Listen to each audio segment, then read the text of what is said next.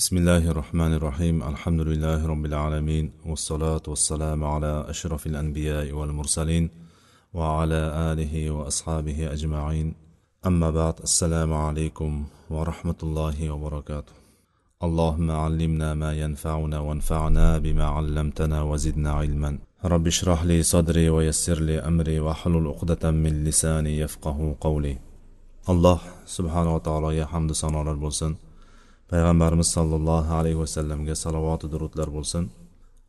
Allohning fazli marhamati bilan bugun yana riyoz solihin darsimizni davom ettiramiz.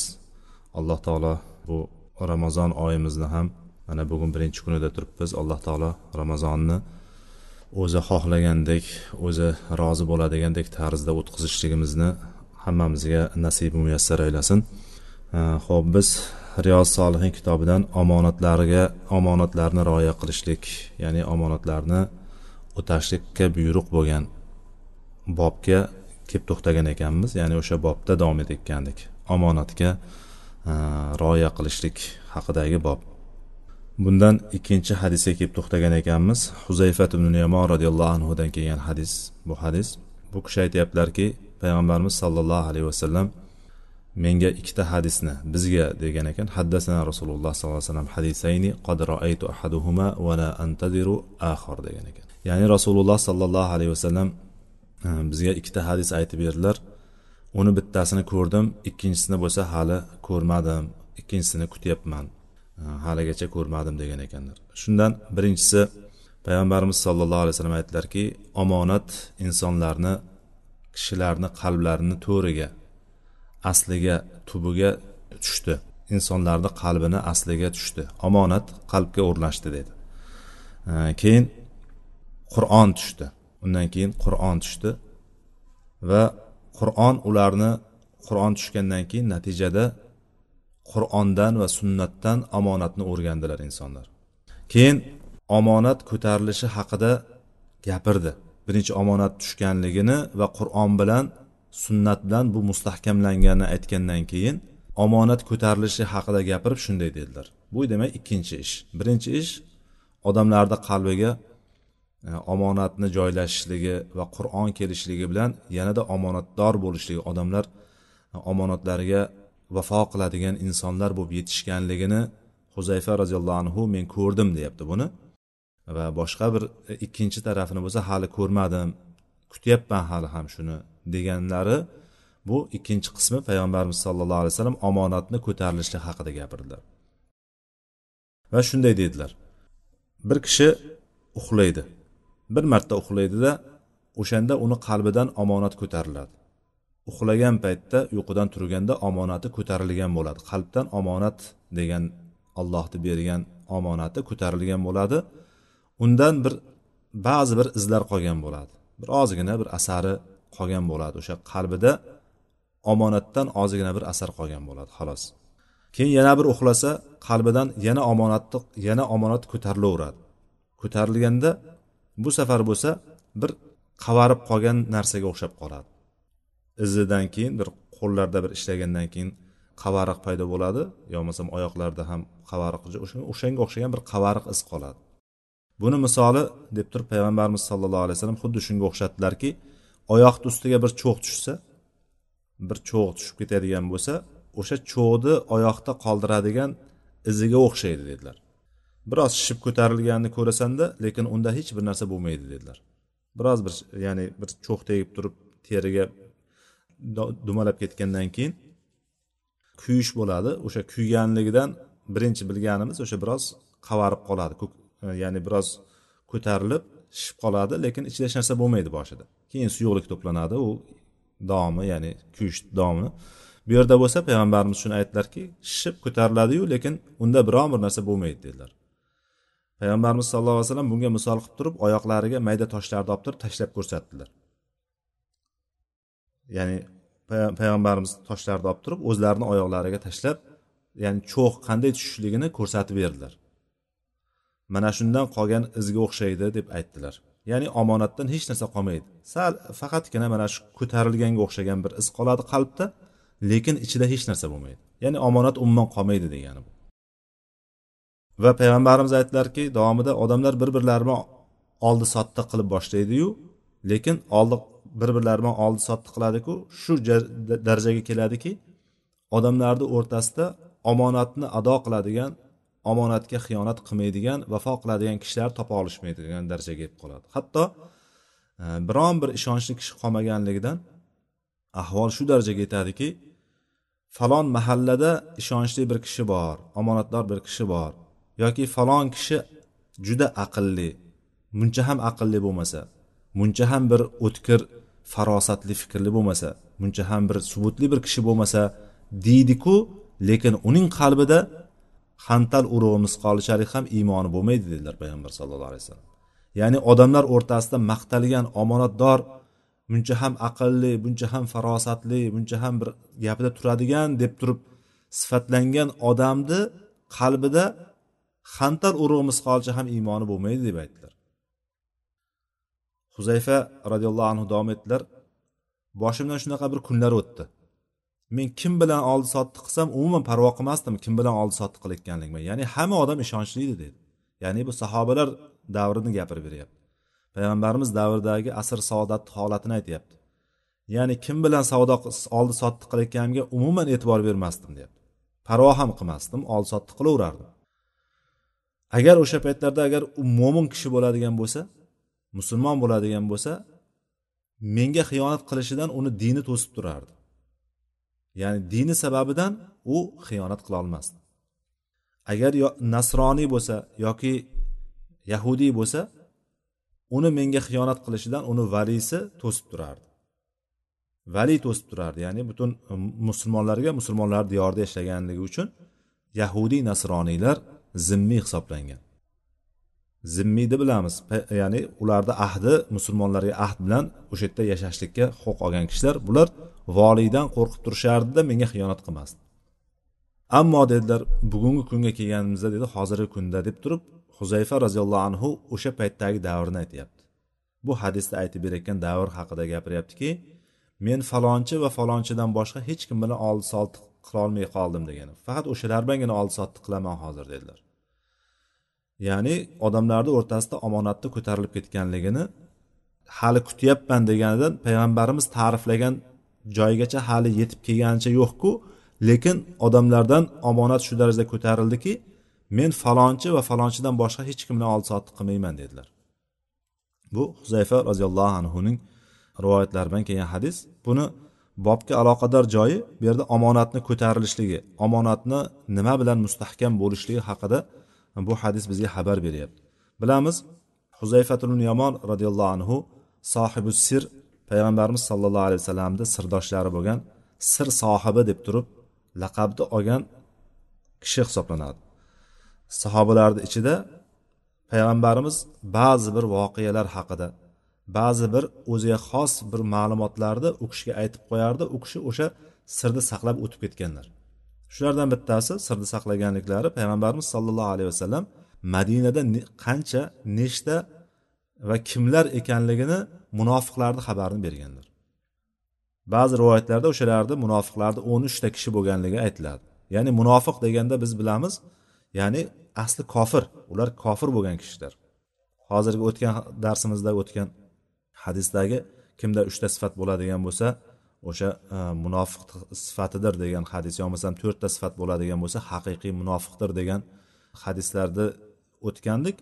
Undagi umumiy amaliy nifoq haqida gapirilgan bo'lsa bu payg'ambarimiz sollallohu alayhi vasallam bitta bitta otini aytib turib sanab ketgan munofiqlar bular qalbidagi e'tiqodiy nifoq bor kishilar. Ya'ni tashqi ko'rinishdan musulmonchilikni ko'rsatib kelganu lekin asli kofir bo'lgan kishilar deb payg'ambarimiz sollallohu alayhi vasallam musulmonlarni ichida aralashib yurishligini musulmonlar bilan oldi sotdi qilishlikni musulmonlar bilan nikohlanishlikni payg'ambarimiz sollallohu alayhi vasallam o'shalarni tashqi ko'rinishiga tashqi o'zlarini ko'rsatib turgan narsalarga qarab turib payg'ambarimiz ularga ruxsat bergan. O'shalarni ichiga o'shalar ya'ni mo'minlarni ichida yurishligiga payg'ambarimiz sallallohu alayhi vasallam ko'z yumganlar. Alloh taolo ham o'sha narsaga ruxsat berib qo'yganki buni orqasida katta katta bir fasodlar kelib chiqishligi mumkin bo'lganligi uchun ularga payg'ambarimiz sallallohu alayhi vasallam biron bir chora qo'llamaganlar. Xullas o'shalarni ismlarini huzayfa roziyallohu anhuga aytib ketgandir buni ko'pchilik bilishardi. Huzayfa shuning uchun biron bir janozaga boriladigan bo'lsa janozada huzayfa ko'rinmay qoladigan bo'lsa huzayfa roziyallohu anhu ko'rinmay qoladigan bo'lsa o'sha yerdan demak bu munofiq bo'lsa kerak deb turib ba'zilar ba'zi sahobalar o'shandan janozasini o'qimasdan ketganliklari rivoyatlari keladi. Hatto umar roziyallohu anhudek zot umar ibn xattob roziyallohu anhu payg'ambarimiz sollallohu alayhi vasallam ikki sohiba degan paytda ikki hamrohi degan paytda bittasi abu bakr bo'lsa bittasi um-, umar roziyallohu anhu ko'zimizni oldida gavdalanadigan va ikkinchi xalifamiz bo'lgan qalbi bilan hatto ular u kishi haqida xabar berilganda sahobalar aytardiki uni tilida ya'ni tashqi tarafda ko'rsatib turgan narsasidan ko'ra ya'ni tashqi tarafdan u borini boridek ko'rsatib turgan. Qattiq bo'lgan lekin ichida ushlab turgan qalbidagi narsa tashqarisidan ko'ra chiroyliroqdir deb turib u kishi haqida mana shunaqa narsalarni gapirgan kishiki huzayfani yoniga kelib turib ey huzayfa ollohni o'rtaga qo'yib turib qasam ichib so'rayman. Payg'ambar sollallohu alayhi vasallam men meni shu munofiqlarni sen sanaganmi? deb so'raganlar. Munofiqlarni senga sanab aytib berayotganda payg'ambar sallallohu alayhi vasallam meni ham ismimda aytganlarmi? deb turib so'raganlar. Shunda huzayfa roziyallohu anhu yo'q deb aytgan ya'ni sizni payg'ambarimiz sallallohu alayhi vasallam munofiqlar ichida sanamadilar degandan keyin sizdan boshqa endi hech kimga birontasiga bu anavi aytmayman deganlar. Ya'ni hech kimni oqlamayman. Ya'ni sen munofiq emassan deb hech kimga aytmayman deb turib huzayfa roziyallohu anhu yana boshqasi kelishi yana boshqasi kelib turib har kim kelib turib so'raverishligini oldin kesib qo'yganlar. Lekin umar roziyallohu anhuni demoqchi bo'lganim menda ham nifoq bormikan degan darajadagi tashqisi bilan ichi tashi bilan ichi bir xil bo'lgan odam iymonda mustahkam bo'lgan alloh taoloni bir necha o'rinlarda alloh taologa muvofiq bo'lgan ya'ni muvofiq bir xil ilhomlanib turib ba'zi bir hukmlar tushishligida sababchi bo'lgan kishi mana shunday bir o'yga borganki demak biz bu narsani o'zimizda ko'p bor o'ylashligimiz kerak bo'lgan narsa. Ya'ni bu hadisdan omonatni insonlarni qalbini asliga tushganligini qalbini tubiga tushganligini xabari keldi. Demak omonat qalbda bo'lar ekan. Alloh taolo buni qalbni to'riga joylashtirib qo'ydi. Bu insonni fitratida bor narsa. Bu insonni fitrati. Va olloh yaratgan fitrat. Insonlarni hammasini yaratgan fitrat mana shu. Undan keyin alloh taolo qur'on tushirdi. Qur'on tushirgandan keyin insonlarga qur'on va payg'ambarimiz sollallohu alayhi vasallam sunnatlari kelgandan keyin mana shu fitratdagi qalbimizda bor narsani bu qur'on va sunnat o'shani mustahkamladi. Yanada quvvatladi bu bilan insonlar omonatdorlikda eng yuqori darajalarga yetishdi.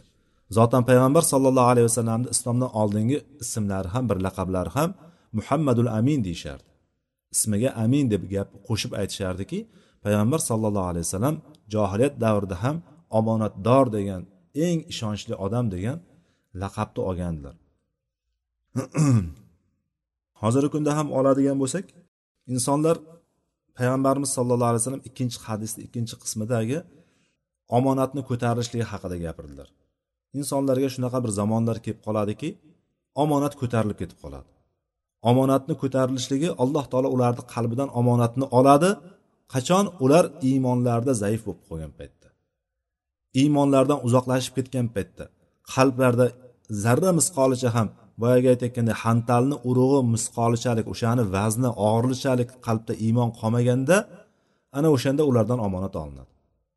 Chunki qalbda aslida bo'lgan omonatni mustahkamlab turgan joyida mustahkam o'rnashtirib turgan narsa nima ekan? Qur'on va sunnat ekan. Insonlarda qur'on va sunnat bo'lmaydigan bo'lsa bu narsa ko'tarilib ketib qoladi. O'sha zamonlar kelganda mana bugungi holatimizda oladigan bo'lsak insonlardan iymon faqat tilda qoldi. Namoz o'qiydi ro'za tutadi hajini qiladi hamma ibodatlarni qiladida lekin omonat borasiga kelgan paytda moliyaviy bir ishga kelib qoladigan bo'lsa u borada hech kim bo'lmay qoladi. Moliyaviy boraga kelgan paytda u hech kim bo'lmay qoladi. Omonatni ya'ni ko'zini hech bir yummasdan bir xayolda ham o'tkazmasdan o'shanga xiyonat qilib qo'yaveradi. O'zini tutolmaydi xiyonat qilmasa turolmaydigan bo'lib qoldi xiyonat qilib qo'yaveradi o'shanga. Odamlarni mol berib qo'ygan omonat qilib qo'ygan mollariga yoki bo'lmasam umumiy mollar bo'ladi umumiy to'plangan pullar bo'ladi umumiy yig'ilgan narsalar bo'ladi odamlarga taqsimlanishi kerak bo'lgan narsalar bo'ladi. E, kimdir berib qo'ygan narsasi bo'ladi mana bularga parvo qilmasdan o'shanga xiyonat qilib qo'yadigan bo'lib qoladi. Bu narsa nima? Iymonni zaifligi hisoblanadi. Agarchi tashqi ko'rinishdan islomda hamma rukunlarni qilib farzlarni ado qilib turgan bo'lsa ham. Yoki boshqa boshqa tarafni olaylik. Odamlarga vazifalar berilgan. Har xil vazifalar tushgan. Insonni kasbi bor o'zini. Kimgadir o'tgan darsimizda ham aytgandik omonatni turlarga darajalarga qismlarga ajratib omonat haqida ancha keng batafsil gapirgandik. Odamlarga kasb berilgan. Bittasi bitta kasbni o'zicha kasb qilib olgan. Yo bo'lmasam haqiqatdan o'shani bir ma'lum bir yillar davomida tajriba bilan yo bo'lmasam o'qish bilan o'qishlarga borib turib institutlar tamomlashlik bilan o'sha narsani qo'lga kiritgan. O'sha kasbda ishlaydi. Lekin bu kasbni ham xiyonati bor. Bu kasbni bu kasb bizga omonat qilib berildi. O'sha kasbni orqasidan biz non tovib yeymiz nonimizni halollab yeyishligimiz kerak bo'ladi. Qaysi kasb bo'lishidan qat'iy nazar? Tikuvchilikmidi oshpazlikmidi doktorlikmidi aptekachilikmidi tabibchilikmidi nima bo'lishidan qat'iy nazar bu omonatmi? Omonatni ertaga har bir omonatdan biz so'ralamiz ertaga. Bu alloh taolo bilan o'rtamizdagi narsa mana shu o'rinda biz aldanib qolmasligimiz kerak. Iymonimiz lekin qaysi darajada tushib ketadi zaiflashib boraveradigan bo'lsa mana shu omonatlarga xiyonat qilib qo'yiladi. Yo bo'lmasa mansablar. Kimlargadir alloh taolo mansablarni berib qo'ydi. Har xil mansablar. Kimlardir kimlargadir musulmonlarni mollariga pullariga qarab turadigan kishi qilib qo'ydi. Kimlaridir ilm berib ahli ilmlardan qilib qo'ydi.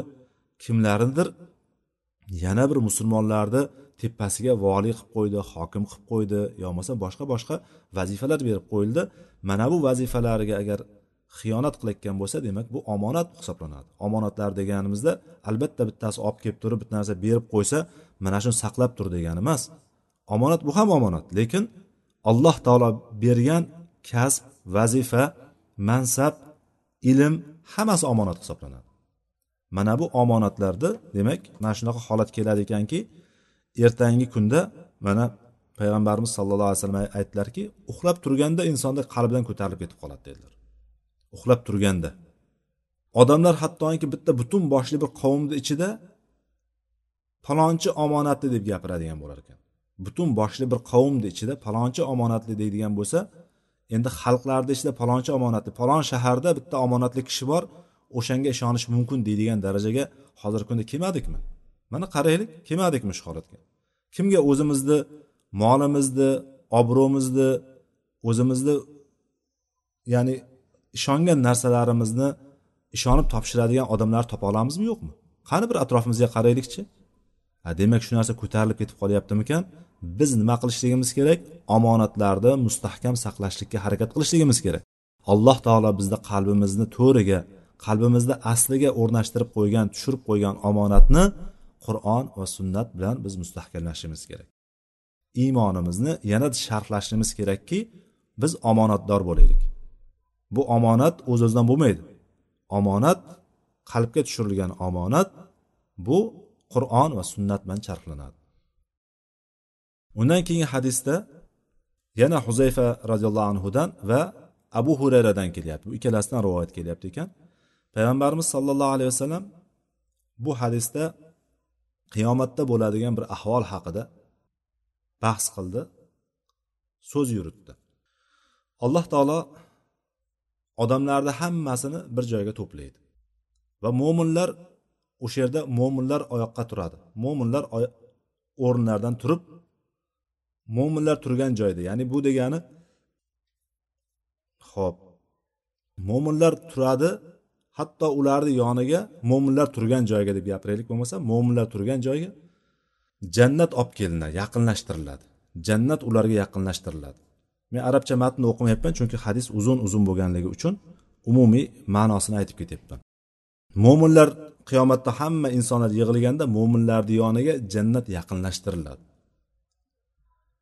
Lekin jannat yaqinlashtirilgani bilan jannat yopiq turadi. Jannat hali ochilmagan. Odamlar mahsharda to'planganda bilamiz qanaqa qiyin ahvol bo'lishligini. O'sha ahvol ya'ni. O'shanda odamlar odam alayhissalomni yoniga kelishadida ey bizni otamiz deydi ya abana ey bizni otaginamiz otajonimiz bizga jannatni eshigini jannatni ochilishligini so'rab bering. Bizga jannatni ochtirib bering. Ya'ni allohdan so'rab bering. Ya'ni bizni o'rtamizda olloh bilan bizni o'rtamizda shafoatchi bo'ling deydi. Bu hadis e, shafoat hadislaridan bittasi. Mana shu shafoat haqidagi hadislardan bittasi. E, boshqa e, lafzlar ham boshqa turdagi holatlar ham bor. Bu yerda mana shu lafzi kelyapti. Buni ham shafoat hadislaridan bittasi. Odam alayhissalom ilk ilk qiladigan ishlari odamlarni odam alayhissalomni yoniga kelib turib odam alayhissalomdan iltimos qilishadi. Jannatni bizga ochtirib bering deydi. Odam alayhissalom bo'lsa uzrini aytadi.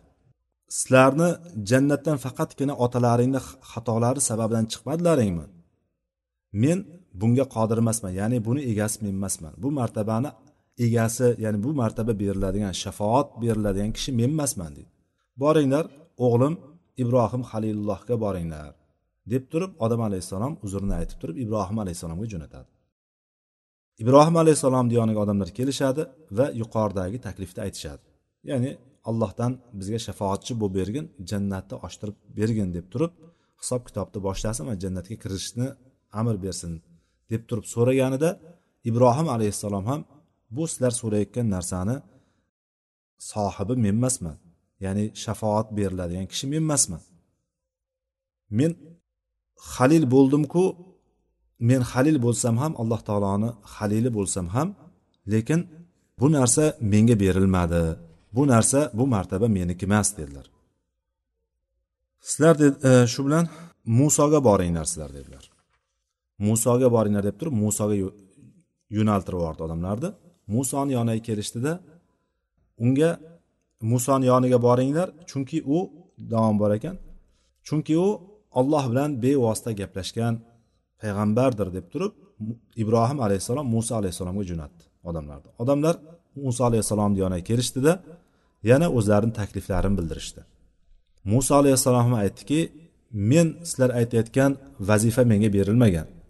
Shafoat haqqi berilgan kishi men emasman. Balki sizlar boringlar.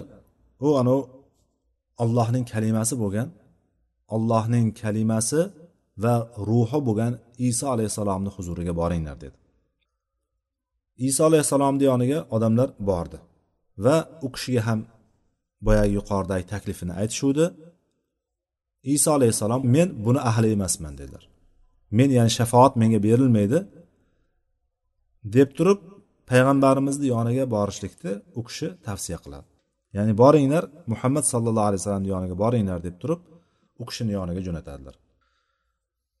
Shunda odamlar payg'ambar sollallohu alayhi vasallamni yoniga kelishadi va payg'ambarimiz sollallohu alayhi vasallam o'rinlaridan turib borib bilganimiz o'sha voqea borib turib e, sajdaga bosh qo'yib turib allohdan o'sha paytda alloh taolo u kishiga ilhom qiladi.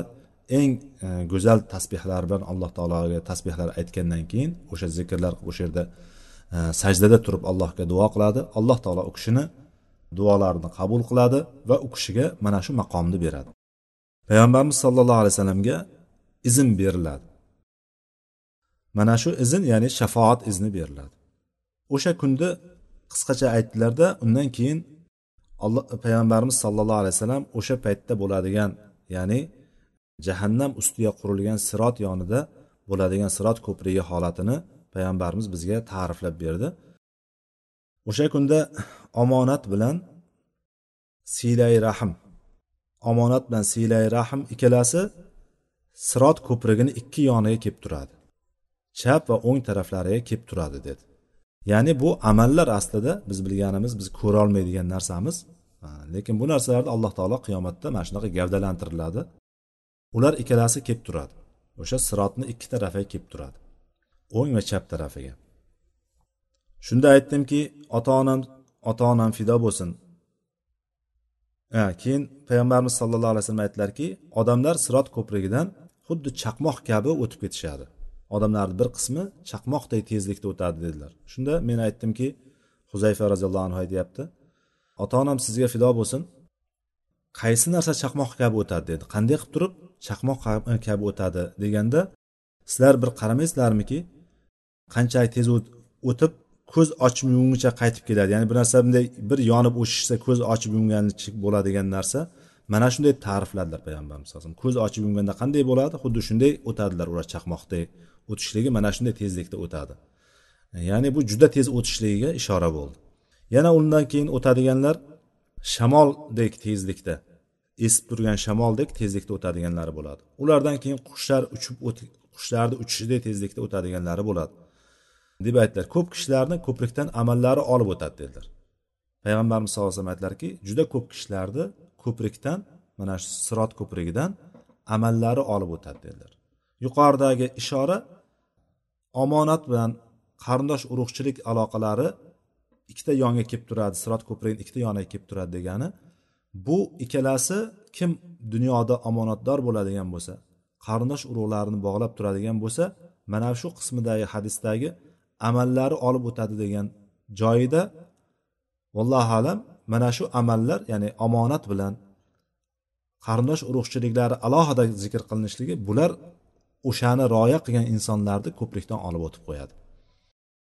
Buni ostida jahannam bor. Sirot ko'prigi bilganimiz jahannamni ustiga quriladi.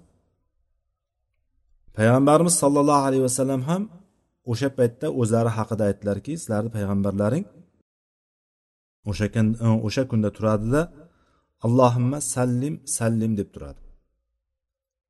Ya'ni sizlarning payg'ambarlaring sirotni yonida turadi sirotni ustida turadi. Sirotni ustida turib robbim salomat saqla robbim salomat saqla omonda qil deb turib duo qilib turadilar payg'ambar sallallohu alayhi vasallam. Hatto odamlar o'sha yerda amallari ojizlik qilib boshlaydi.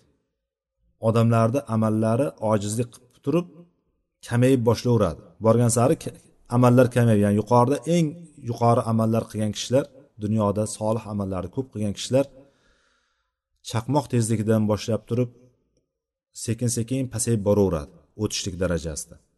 Shu darajada amallari ojizlik bo'lib qoladida hatto kishilar yurib o'tishga qurb yetolmay qoladi. Yurib o'tolmaydigan bo'lib turib sudralib o'tib boshlaydi sudralib boshlaydi. Sirot ko'prigini ustida odamlar sudralib boshlaydi. Chunki amallar o'tkazib qo'yayotgandi bularni. Amallariga ko'ra amallariga yarasha o'tayotgandi. Endi amallari kamayib ketgan odamlar amallarni kam qilgan dunyo hayotida islomga e'tibor bermay yurgan odamlar ibodatga e'tibor bermay yurgan odamlar endi mana shu joyga kelib turib qiynalib boshlaydi sudralib o'tib boshlaydi. Va sudralib o'tayotganlarni yonida bu bilamiz ko'prikni ikki yon tarafida tikonli bir ilmoqlar bo'ladi. Ilib qoladigan ilgichlar ilmoqlar bo'ladi. Mana bu ilmoqlar ularni ilib qolaveradi. Amaliga yarasha ularni ilib qolaveradi. Alloh taolo ularga kimni ilib qol degan bo'lsa o'sha kishilarni ilib qoladi u ba'zi kishilar ulardan tirnalib o'shandan tirnalib tirnalib o'tadi. Ba'zi rivoyatlarda keladi hatto buragi ilmoqlar ilib qolaveradi ilib qolaveradi. Hatto inson kichkinagina bir bo'lak bo'lib o'tadi o'sha narigi narigi tarafga o'tganda kichkinagina bir bo'lak holatda o'tadi deydi. Ya'ni amaliga yarasha gunohlariga yarasha o'sha ilib qolaveradi va ilinib o'shanda ilib qolingani bo'lsa butunlay ilib qolinsa bular do'zaxga tushib ketaveradi. Do'zaxga ravona bo'lib ketaveradi. Alloh saqlasin. Mana shunday holatda bo'ladi. Abu hurayrani joni qo'lda bo'lgan zotga qasam ichib aytamanki dedilar jahannam chuqurligi yetmish yillik yo'ldir dedilar. Ya'ni tushib ketgan odam sabuna harif deb aytdilar yetmish yillik. Yetmish kuzlik degani ya'ni yetmish yillik masofaga qarab turib tushib ketadi. Tushganda ham shunda chuqurga tushadi. Sirot ko'prigi mana shunday holatda qurilgan deb turib abu hurayra roziyallohu anhu ta'riflab o'tdilar bu yerda.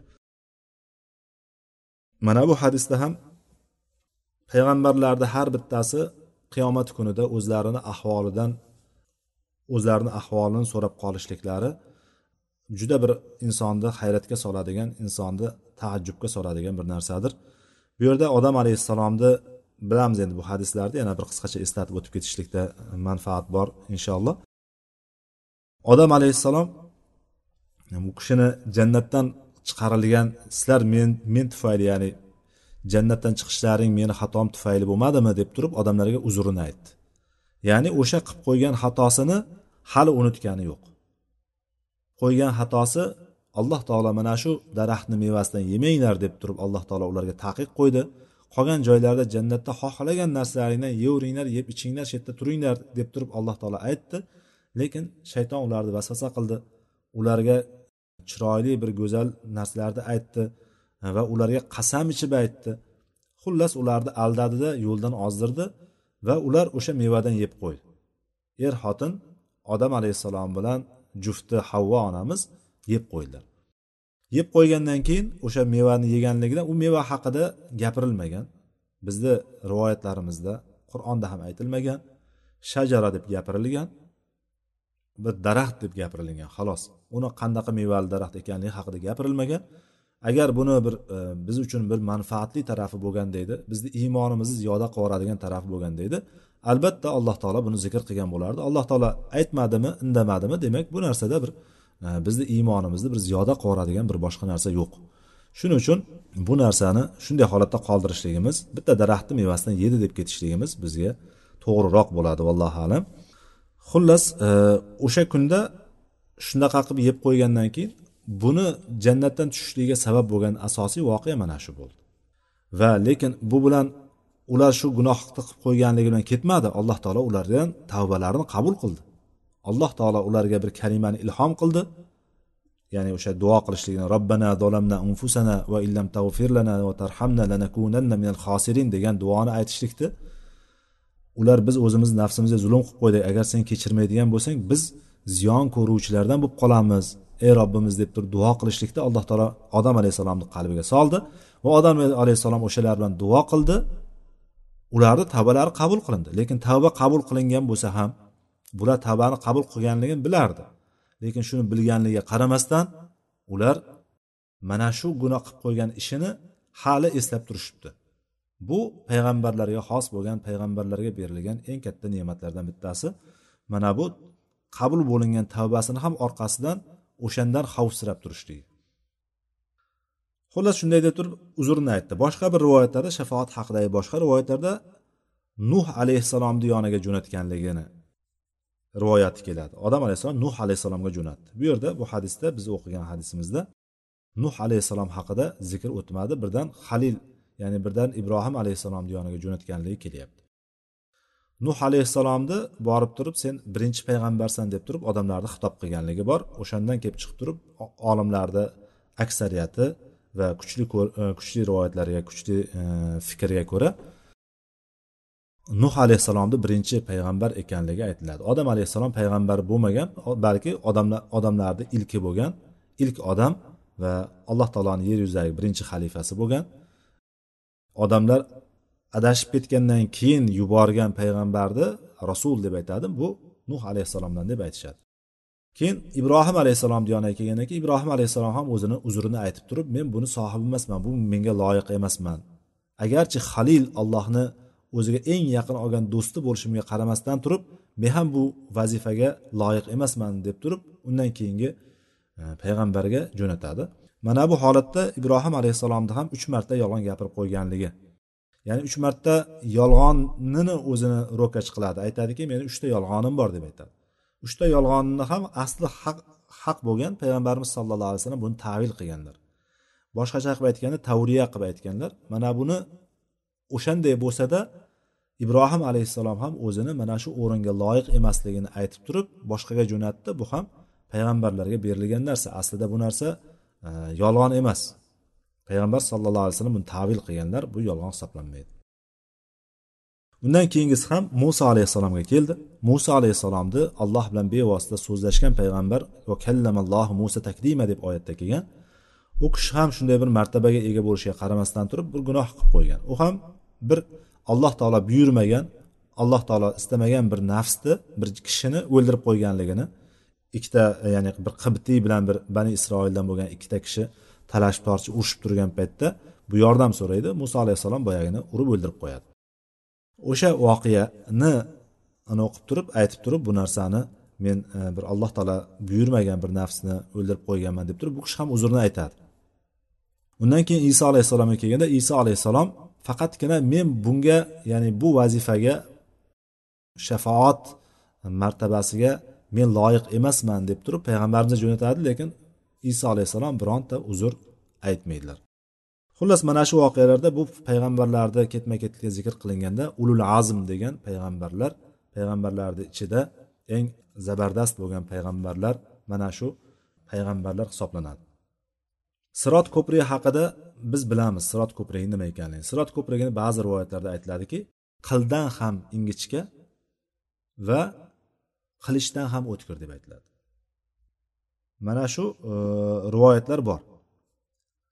Mana shu sirot ko'prigi jahannamni ustiga quriladi. Bu yerda bu bobga aloqador bo'lgan eng ahamiyatli joyi payg'ambarimiz sollallohu alayhi vasallam zikr qildilarki ikkita amal kelib turadi. Bittasi omonat ikkinchisi bo'ladigan bo'lsa siylay rahm qardosh urug'chilik aloqalarini bog'lashlik. Mana shundan ko'rinadiki dinimizda omonatni qanchalik ahamiyati bor ekanligi va shuningdek siylay rahmni ham qanchalik ahamiyati e, katta ekanligini mana shu joyda sirot ko'prigini ikki yoniga kelib turishligidan bilamiz. Kim siylay rahmni joyiga keltirgan bo'lsa qarindosh urug'chilik aloqalarini alloh taolo xohlaganidek qilib turib bog'lagan bo'lsa omonatdor bo'ladigan bo'lsa ertaga qiyomatda sirot ko'prigini yonida kutib turgan mana bu amallari inshaalloh uni sirot ko'prigidan yashin tezligida yoki qushlardek tezlikda yoki bir ulovga mingan holatda o'tishligida hech bo'lmasam yurib o'tishligiga yordam beradigan jahannamga o'sha ko'prikni atrofidagi ilmoqlar uni ilib qolishligidan saqlab qoladigan amallar bo'lib qoladi inshaalloh. Undan keyingi hadis bobni oxirgi hadisi. Abi hubayb abdulloh ibn zubayr roziyallohu anhu rivoyat qilib beryapti. Bu uzun hadis. Bu hadisga ko'ra abdulloh ibn zubayr ya'ni zubayr ibn avvom roziyallohu anhuni o'g'illari bo'lgan jannat bashorat qilingan zubayr ibn avvomni o'g'li bo'lgan abdulloh ibn zubayr. Shu kishi rivoyat qilib beryapti. Ya'ni bu abu bakr roziyallohu anhu nevaralari abdulloh onalari asmo. Abdulloh ibn zubayr aytyaptilarki otam zubayr ibn avvom jamal voqeasida. Jamal kunida. Ya'ni jamal bilamiz jamal qaysi bo'lganligini. Ya'ni jamal jangi ali roziyallohu anhu bilan e, oysha onamiz tarafdorlari kelib turib o'sha yerda jang bo'lib ketgan o'sha jangdagi voqea. O'sha jangda men chaqirdilar men yonlariga kelib turdim. Shunda aytdilarki ey o'g'ilginam ey o'g'ilcham bugun zolim yoki mazlumgina o'ldiriladi dedi. Faqat yo zolim o'ladi yo mazlum o'ladi. Ya'ni ikki tarafdan bittasi zolim bo'ladi albatta bittasi mazlum bo'ladi. Ikkalasi ham ya'ni mazlum bo'lmaydi hech qachon. Albatta bittasi nohaq bo'ladi. Chunki ikkita haq bo'lmaydi hech qayerda. Albatta bittasi nohaq bo'ladi. O'shandan aytyaptilarki bu kishi yo bugun o'ldiriladigan kishilardan bugun o'ldiriladi yo zolim o'ldiriladi yoki mazlum o'ldiriladi undan boshqasi emas dedilar. Shunda aytdilarki men bugun mazlum holda o'ldirmog'imni afzal ko'raman dedi. Men mazlum bo'lib o'lishlikni xohlayman bugun dedi. Va aytdilarki orqasidan meni bitta tashvishim bor bitta katta g'amim bor. O'sha g'amim bo'lsa ham qarzim bor meni dedi. Sen nima deysan shunga? dedi. Qarzimni berganingdan keyin o'sha moldan biron narsa ortib qoladi deb o'ylaysanmi? dedilar. Ya'ni o'zini bir qoldirib ketgan narsalari bor lekin katta qarzi ham bor. Ya'ni o'sha qoldirib ketgan mol dunyosini merosxo'rlariga qolishligi kerak aslida. Endi qarz bo'ladigan bo'lsa qarzlari vasiyatlari bo'ladigan bo'lsa shariat ahkomlariga ko'ra birinchi meros taqsim qilinishligidan oldin uni qarzlari beriladi. O'lgan kishini qarzlari beriladi qarzlari tarqatiladi. Agar vasiyat qilib ketgan bo'lsa vasiyat tarqatilgandan keyin undan keyin qolgan moli merosxo'rlari o'rtasida taqsim qilinadi. Shundan aytyaptiki meni katta qarzim bor mana shu narsa meni tashvishlantirib turibdi. Nima deb o'ylaysan meni molimdan qoldirib ketayotgan narsamdan biron narsa ortib qoladimi? deb so'radilar. Yana orqasidan davom etdiki ey o'g'ilcham molimizni sotda qarzimizni o'ta qarzlarini uzgin odamlarga dedi. Va uchdan bir qismini vasiyat qildilar. Uchdan bir qismini vasiyat qildi. Ya'ni o'sha molni qolgan molni o'sha uchdan birini qarzni o'tagandan keyin qolgan uchdan bir qismini vasiyat qildilar. Va uchdan bir qismini bo'ladigan bo'lsa o'shandan abdullohni bolalariga vasiyat qildi. O'sha uchdan birini abdullohni bolalariga abdulloh ibn zubayr ya'ni o'g'lini o'zini nevaralariga shunda aytdilarki agar qarzni uzganingdan keyin ortib qoladigan bo'lsa ana shunday qilgin dedilar. Ya'ni uchdan birini bolalaringga vasiyat qildim deb ketdi. Nevaralariga vasiyat qilib ketdi uchdan birini. Hishom aytadi. O'sha roviylardan bo'lgan hishom aytadiki zubayr e, roziyallohu anhuni to'qqizta o'g'li va to'qqizta qizi bor edi deb aytyapti. Va abdullohga yana davom etdi gaplarida. Zubayr roziyallohu anhu aytdilarki ey abdulloh men senga qarzimni vasiyat qilaman. Ya'ni qarzimni o'tagin deb turib senga vasiyat qilaman. Agar mana shu o'rtada qarzlarimni uzayotgan paytingda uzishingda biron bir narsada agar kuching yetmay qoladigan bo'lsa qodir bo'lmay qoladigan qiynalib qoladigan bo'lsang meni mavlomdan yordam so'ragin dedi. Hojamdan yordam so'ragin dedi. Allohga qasamki deyapti. O'shanda abdulloh aytyaptiki allohga qasamki otamni mavlosi kim ekan deb turib biron bir xayolimga bir narsa hech bir narsa kelmadi deyapti. Kim bo'lsa ekan deb dedimda o'ylamasdan turib otamdan so'radim deyapti. Ey ota ey otajon ya abati man mavlak dedim deyapti. Ey otajon sizni mavloyingiz kim o'zi? deb so'radim deyapti. Shunda otam aytdiki qolalloh olloh dedi. Ya'ni meni mavlom olloh meni hojam ollohdir deb aytdi. Ya'ni sen biron biron joyda qiynalib qoladigan bo'lsang meni mavlomdan degani ollohdan so'ragin deb turib bolasiga tavsiya qilib ketyapti vasiyat qilib ketyapti. Shunda aytyaptiki allohga qasam ichib aytamanki qachon bir qiyinchilikka ya'ni otamni qarzni o'tashlikda biron bir qiyinchilikka uchrab qoladigan bo'lsam o'shanda albatta aytdim deyapti ya mavla zubayr iqdi anhu daynahu derdim fayaqdiyahu ya'ni ey zubayrni mavlosi uni qarzlarini o'tashlikda menga yordam bergin. Uni qarzlaridan o'tab qo'ygin desam alloh taolo unga najot berardi. Uni qarzini o'tashlikka o'tab qo'yardi deyapti. Ya'ni yo'lim ochilib ketardi deyapti. O'sha kun yana davom etyapti. O'sha kun zubayr qatl qilindi. Zubayr shahid bo'ldi. Va undan biron bir dinar dinor ham biron bir dirham ham qolmadi. Faqatgina ikkita bir yeri bor edi deyapti. Undan qolgan narsa ikkita bir yeri bor edi o'sha ikkita bir hovlisi bor edi deb aytdi. Undan bittasi madinada o'n bitta hovli bor va basrada ikkita hovli bor kufada bitta hovli va misrda bitta hovli bor edi deyapti. Mana shu hovlilarni hammasini bitta bitta sanab berdi. O'shandan boshqa narsa yo'q edi deyapti. Bitta bir katta bir bog'ga o'xshagan joyi bor ekan. G'oba deyapti. Madinada o'n bitta hovlisi bor ekan yana bitta katta bog'i bor ekan. Uni aytyaptiki buni qarzdor bo'lib qolishligini sababini aytyapti. Endi o'ylashligimiz mumkin haqiqatdan zubayrdek kishi yana shuncha narsasi bor ekan. Ya'ni madinada shunaqa bir katta bir daraxtzori bor ekan. Undan tashqari bir o'n bitta hovlisi basrada ikkita hovlisi kufada bitta misrda yana bitta hovlisi bor. Odam qanday bunaqa katta qarzga kirib qolishligi mumkin degan bir hayol insonni haqiqatdan hayoldan o'tadigan narsa. Uni deyapti qarzlari shunaqa bo'lgandi. Odamlar unga olib kelib turib o'zlarini molini omonat beraman deydigan bo'lsa u o'shani qarz qilib olardi. Bu menda qarz bo'lib qolsin deb turib qarz qilib olardi. Agar omonat deb qabul qiladigan bo'lsam o'sha vaqt o'tishi bilan uni bir qiymati yo'qolib qoladi deb turib qo'rqaman deb aytar ekanlar. Mana shu darajada omonatdor kishi bo'lgan ya'ni zubayr roziyallohu anhu mana shunaqa darajada omonatdor bu kishi bo'lgan. Ya'ni vaqt o'tishligi bilan bu narsa masalan sifatsizlanib qolishligi mumkin. Agar mol dunyo bo'ladigan bo'lsa e, yoki bo'lmasam pul qo'yadigan bo'lsa hozirgi kunda kurslar o'ynab turadigan bo'lsa baribir kurslarda bir o'zini o'zini qiymatini yo'qotib qolishligi mumkin deb qo'rqaman deb turib mana shunday deb turib kim narsa olib kelib turib u kishiga bir omonat tashlab ketaman deydigan bo'lsa omonat qo'yadigan bo'lsa u omonatni o'ziga qarz deb turib qabul qilar ekan.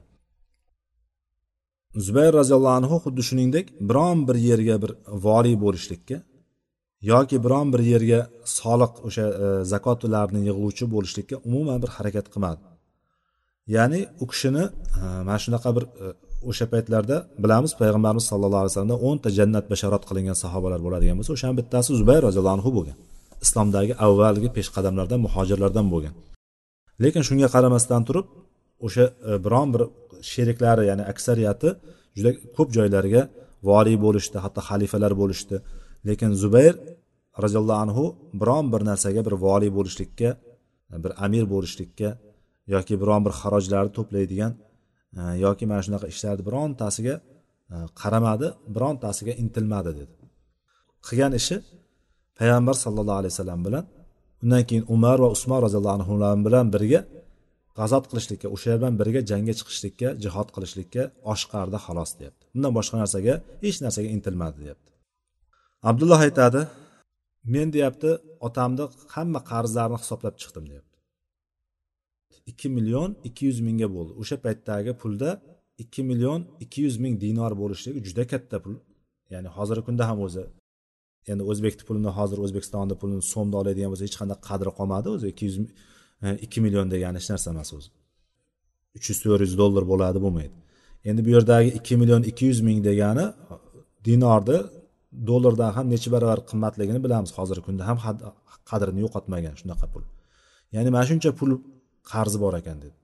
O'sha kunlarda hakim ibn hizom degan bir amakilari kelib qoldi.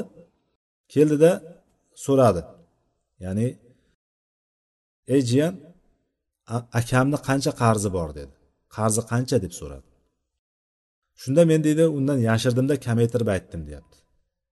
Abdulloh aytyapti endi buni. Yuz ming deb aytdim deyapti. Shunda hakim aytdiki allohga qasamki mollaringiz bunaqa katta miqdordagi qarzni qoplay olmaydi dedi. Ya'ni qoplamaydi bu sizlarda qolgan mollaring mol dunyolaring bu qarzni qoplamaydi dedi. Keyin men aytdimki ikki yuz ming bo'lsa nima deysan desa Э, hakim aytdiki bunaqa miqdordagi qarzni to'lay olmaysizlar sizlar dedi. Agar to'lashda qiynalib qoladigan bo'lsalaring mendan yordam so'ranglar men sizlarga yordam beraman qo'limdan kelgancha deb turib aytdida ketdi deyapti. Ya'ni amakilari mana shunaqa deb ketdi. Ya'ni bu yerda hozir ikki million bilan ikki yuz mingni o'rtasidagi farqni bu kishi hozir yashirib turib birinchi yuz ming dedi. Buni mollaring qoplay olmasa kerak deb aytsa ikki yuz ming deb aytgan paytda buni umuman to'lolmaysizlar sizlar. Deb turib ketdi. Keyin roviy aytyaptiki zubayr mana shu boyagi daraxtzorini yuqorida aytganimiz daraxtzor bor edi madinada. O'sha daraxtzorini ikki yuz yetmish mingga sotib olgan ekan. Ikki yuz yetmish mingga sotib olgan abdulloh bo'lsa uni bir million olti yuz mingga sotib yuboradi ekan. Mana shuni bir million olti yuz ming ya'ni ikki yuz yetmish mingga sotib olingan narsani bir million olti yuz mingga sotadi ekan. Keyin abdulloh o'rnlaridan turdida kimni otam zubayrda haqqi bo'ladigan bo'lsa bizni daraxtzorda topsin dedi. Ya'ni biz o'sha daraxtzorda bo'lamiz deb turib e'lon qildi. Keyin birinchi bo'lib turib eng birinchilardan abdulloh ibn jafar keldi. Zubayr undan to'rt yuz ming qarz ekan. Zubayr roziyallohu anhu undan to'rt yuz ming qarz ekan. Abdulloh ibn jafar abdulloh ibn zubayrga qarab turib agar xohlasang qarzimdan kechib yuboraman dedi. Kelib turib shu to'rt yuz minglik qarzdan kechib yuboraman agar xohlasang dedi. Abdulloh ibn zubayr aytdiki yo'q dedi. Yana u davom aytdiki agar istasang dedi muhlatini o'zlaringga xohlagancha uzaytiraman dedi. Ya'ni xohlagan muddatlaringga uzaytirib berish mumkin bu katta pul haqiqatdan to'rt yuz ming. Va aytdiki xohlagan muddatgacha uzaytirib berishligi mumkin dedi. Abdulloh zubayr aytdiki yana yo'q dedi. Keyin u mana shu unday bo'lsa dedi daraxtzordan bir bo'lagini ajratib yer qilib ajratib bergin dedi. Pulga chaqilgan daraxtzor o'sha daraxtzori pulga chaqilgan endi o'shani taqsimlashligi kerak. Abdulloh ibn zubayr unga o'sha to'rt yuz mingga yetarli bo'lgan mana shu yerdan mana shu yergacha seniki deb turib unga ajratib berdi. Shu alfozda keyin abdulloh ibn zubayr o'sha daraxtzotni sotib sotib otalarini qarzlarini bitta bitta uza boshladi. Hammasini bitta bitta uzib boshladi. Oxiri to'rt yarim urush qoldi deyapti o'sha daraxtzordan to'rt yarim ulushi qoldi. Keyin abdulloh ibn zubayrga muoviyaning huzuriga bordi. U zotni huzurida bo'lsa amir ibn usmon munzir ibn zubayr va ibn zamalar bor edi. Uch kishi bor ekan. Moviya aytdiki abdulloh ibn zubayrga daraxtzorni qanchaga narxlading dedi. Qanchasiga narx qo'yding dedi. Abdulloh ibn zubayr aytdiki har bir ulushini yuz mingdan dedi. Har bir ulushi yuz mingdan ya'ni to'rt yarim ulush qolgan bu yoqda o'sha urushlarni har bir ulushi yuz mingdan dedi. Ya'ni to'rt yuz ellik ming bo'ladi bu endi. Muoviya aytdiki qancha ulush qoldi dedi? To'rt yarim ulush qoldi dedi. Shunda munzir ibn zubayr aytdiki uni bir ulushi bir ulushini yuz mingga oldim dedi. Amr ibn usmon ham aytdiki men ham bir ulushini yuz mingga oldim dedi. Ibn zamaa men ham uni ulushini yuz mingga oldim dedi. Muoviya qanchasi qoldi dedi. Abdulloh ibn zubayr aytdiki bir yarim ulush qoldi dedi. Muoviya aytdi bir yarim ulushni bir yuz ellik mingga men oldim dedi. Shu bilan daraxtzor bir million olti yuz mingga sotildi. Boshida chiqarilgan narx mana shunga sotildi. Daraxtzor ya'ni bu sotilayotgan narsa hammasi odamlar qarzdori mana shu yerdan bo'lib bo'lib bo'lib olishibdi hammasi qarzlarini olib olib ketishdi. Oxiri mana shu to'rt kishi bo'lib olishdi oxirgi to'rt yarim ulushini shunda bir million olti yuz mingga sotildi. Lekin zubayr qarzlarini to'la to'kis uzish uchun deyapti yana olti yuz ming kerak. Bunga yuqoridagi ikki million ikki yuz mingga yana olti yuz ming kerak. Shunga zubayr ibn jafar ham o'z hissalarini muoviyaga olti yuz mingga sotdi. Abdulloh ibn jafar o'zini hissasini muoviyaga sotib yubordi va yuz mingga olgan hissasini olti yuz mingga sotdi. Abdulloh ibn zubayr otasini qarzini uzib bo'lgandan keyin da'vogarlar kelib turib o'zini qarzlari kim omonat qo'ygan bo'lsa yuqoridagi hammasi o'zlarini olib olib ketishdi. Keyin zubayrni farzandlari kelishdi. Yuqorida aytganimiz to'qqizta farzandlari bor edi o'sha farzandlari hammasi keldida meros talab qilishdi. Meros talab qilganda abdulloh ibn zubayr aytdiki men sizlarga bitta jarchi qo'yib turib odamlar kimlar kelib turib kimni zubayrda haqqi bo'ladigan bo'lsa kelib olsin deb turib to'rt yil muddatgacha kutaman to'rt yil muddatgacha kim kelsa o'shalarni qarzini bermasdan turib sizlarga meroslarini taqsim qilib bermayman dedilar. Va shunday qilib turib har yil abdulloh ibn zubayr butun haloyiqqa ovoza qilib turdi. Hammaga eshittirib mana shu kimda qarzi zubayrda qarzi bo'ladigan bo'lsa kelib olsin dedi. Va zubayrni zubayr roziyallohu anhuni to'rtta xotini bor edi. Ya'ni orqasida to'rtta xotini qolgan. O'shandan keyin ya'ni bu muddat o'tdi. U uchdan birini olib qo'ydi. Uchdan birini olib qo'ydi. Mana shu butun pullarni hammasini uchdan birini olib qo'ydi. Undan keyin ularni har bir xotiniga berilgan miqdor oxirida mana shu to'rt yil o'tgandan keyin undan keyin taqsimlab berdi abdulloh ibn zubayr. Mana shu to'rtta xotiniga tushgan har biriga tushgan molni miqdori bir million ikki yuz mingdan urushdan tegdi har biriga. Allohni bir marhamatini qaranglar mana har biriga bir million ikki yuz mingdan urush tushdi. Zubayrni barcha mol mulkini hisoblangan paytda ellik million ikki yuz mingga yetdi deb aytadi mana shunda. Ya'ni alloh taolo mana shunaqa barakani berib qo'ygan. Bu buxoriyni rivoyatda keldi. Uzun hadis. Buni faqat go'yoki bir bir hikoyaga o'xshab turib qissaga o'xshab ko'rinadi. Bu hammasi bitta rivoyat bilan imom buxoriy rahimalloh o'zlarini sahiylarida chiqargan.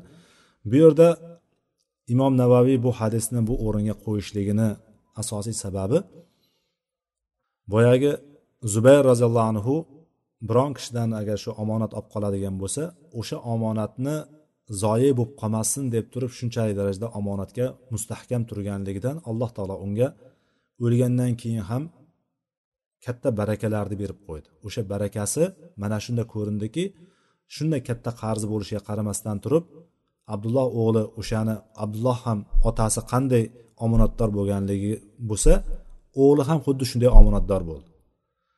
O'g'li otasini qarzini bitta qolmay hammasini uzdi. O'sha odamlar berib ketgan omonatlarni hammasini o'z egalariga qaytardi. Ana o'shandan keyin ham qolgan mol mulki shunaqa katta narsa bo'ldiki har bir xotini xotinlar aslida to'rtdan birini oladi. To'rtdan biriga sherik bo'lishadi. Meros ilmida xotinlar to'rtdan biri xotinga to'rtdan biri tegadi. Agar xotinlar ko'p bo'ladigan bo'lsa o'sha to'rtdan biri ularni o'rtasida taqsim qilinadi. Butun mol masalan bir million deydigan bo'lsa ikki yuz ellik mingi xotinga tegadi. O'sha ikki yuz ellik mingi nechta xotin bo'lsa o'shalarni hammasiga teng taqsimlanadi. Agar bu erni bolalari bo'lmaydigan bo'lsa shunaqa taqsim qilinadi. Agar erni bolalari bo'ladigan bo'lsa sakkizdan biri tegadi. Mana zubayr roziyallohu anhuni to'qqizta o'g'li to'qqizta qizi bor ekan. Bu degani farzandlari bor undan tashqari to'rtta xotini bor. Mana bularga xotinlarga farzand meros tegadi u sakkizdan biri. Butun mol mulkini sakkizdan birini olgandan keyin o'shani to'rtga taqsimlagan. To'rtga taqsimlaganda har bir xotiniga bir million ikki yuz ming urushdan tekkan. Mana bu shu dunyodagi alloh taoloni bir omonatga xiyonat qilmasdan omonatni o'zini joyiga qo'yib turib qilgan e, bir mehnatini samarasi mana shunda ko'rinib turibdiki alloh taolo uni mol mulkiga shunaqa katta barakalar berib qo'ydi. Abdulloh ibn zubayr qayerda qiynalib qoladigan bo'lsa otasi aytganday ey zubayrni mavlosi deb turib duo qilardi. Haqiqatdan yo'li ochilib o'shani qulaylashib ketaverardi ishlar. Abdulloh ibn zubayr ham mana qaranglarki omonatga shunaqa qattiq turdiki odamlar kelib olib bo'ldi. Qarzlarni hammasi o'zini qarzini tugatib olib ketib bo'ldi. Lekin shunda ham merosni taqsimlamay turibdi. Merosni taqsimlashga shoshilmayaptiki to'rt yil o'tsin to'rt yil davomida odamlarga men butun ovoza solaman. Otamni bo'ynida kimda qarzi bo'ladigan bo'lsa kelib turib oladi. Ana o'shandan keyin taqsimlayman dedi. Mana bu narsani ustidan chiqdi. Va bo'p ham bularni har bir to'rt yilni haj mavsumida ya'ni butun e, atrofdan keladigan kim bo'lishidan qat'iy nazar hamma keladigan paytda mana shu paytda e'lon qilingan mana bu omonatni qanchalik e, ahamiyatga ega ekanligi va omonatni samarasi ko'rilyapti. Alloh taolo hammamizni omonatga vafo qiladiganlardan omonat qo'yiladigan bo'lsa omonatni o'z o'rniga keltirib allohni rahmatiga barakatiga sazovor bo'ladigan kishilardan qilsin vallohu alam va axiru davana alhamdulillahi robbil alamin سبحانك اللهم بحمدك أشهد أن لا إله إلا أنت أستغفرك وأتوب إليك والسلام عليكم ورحمة الله وبركاته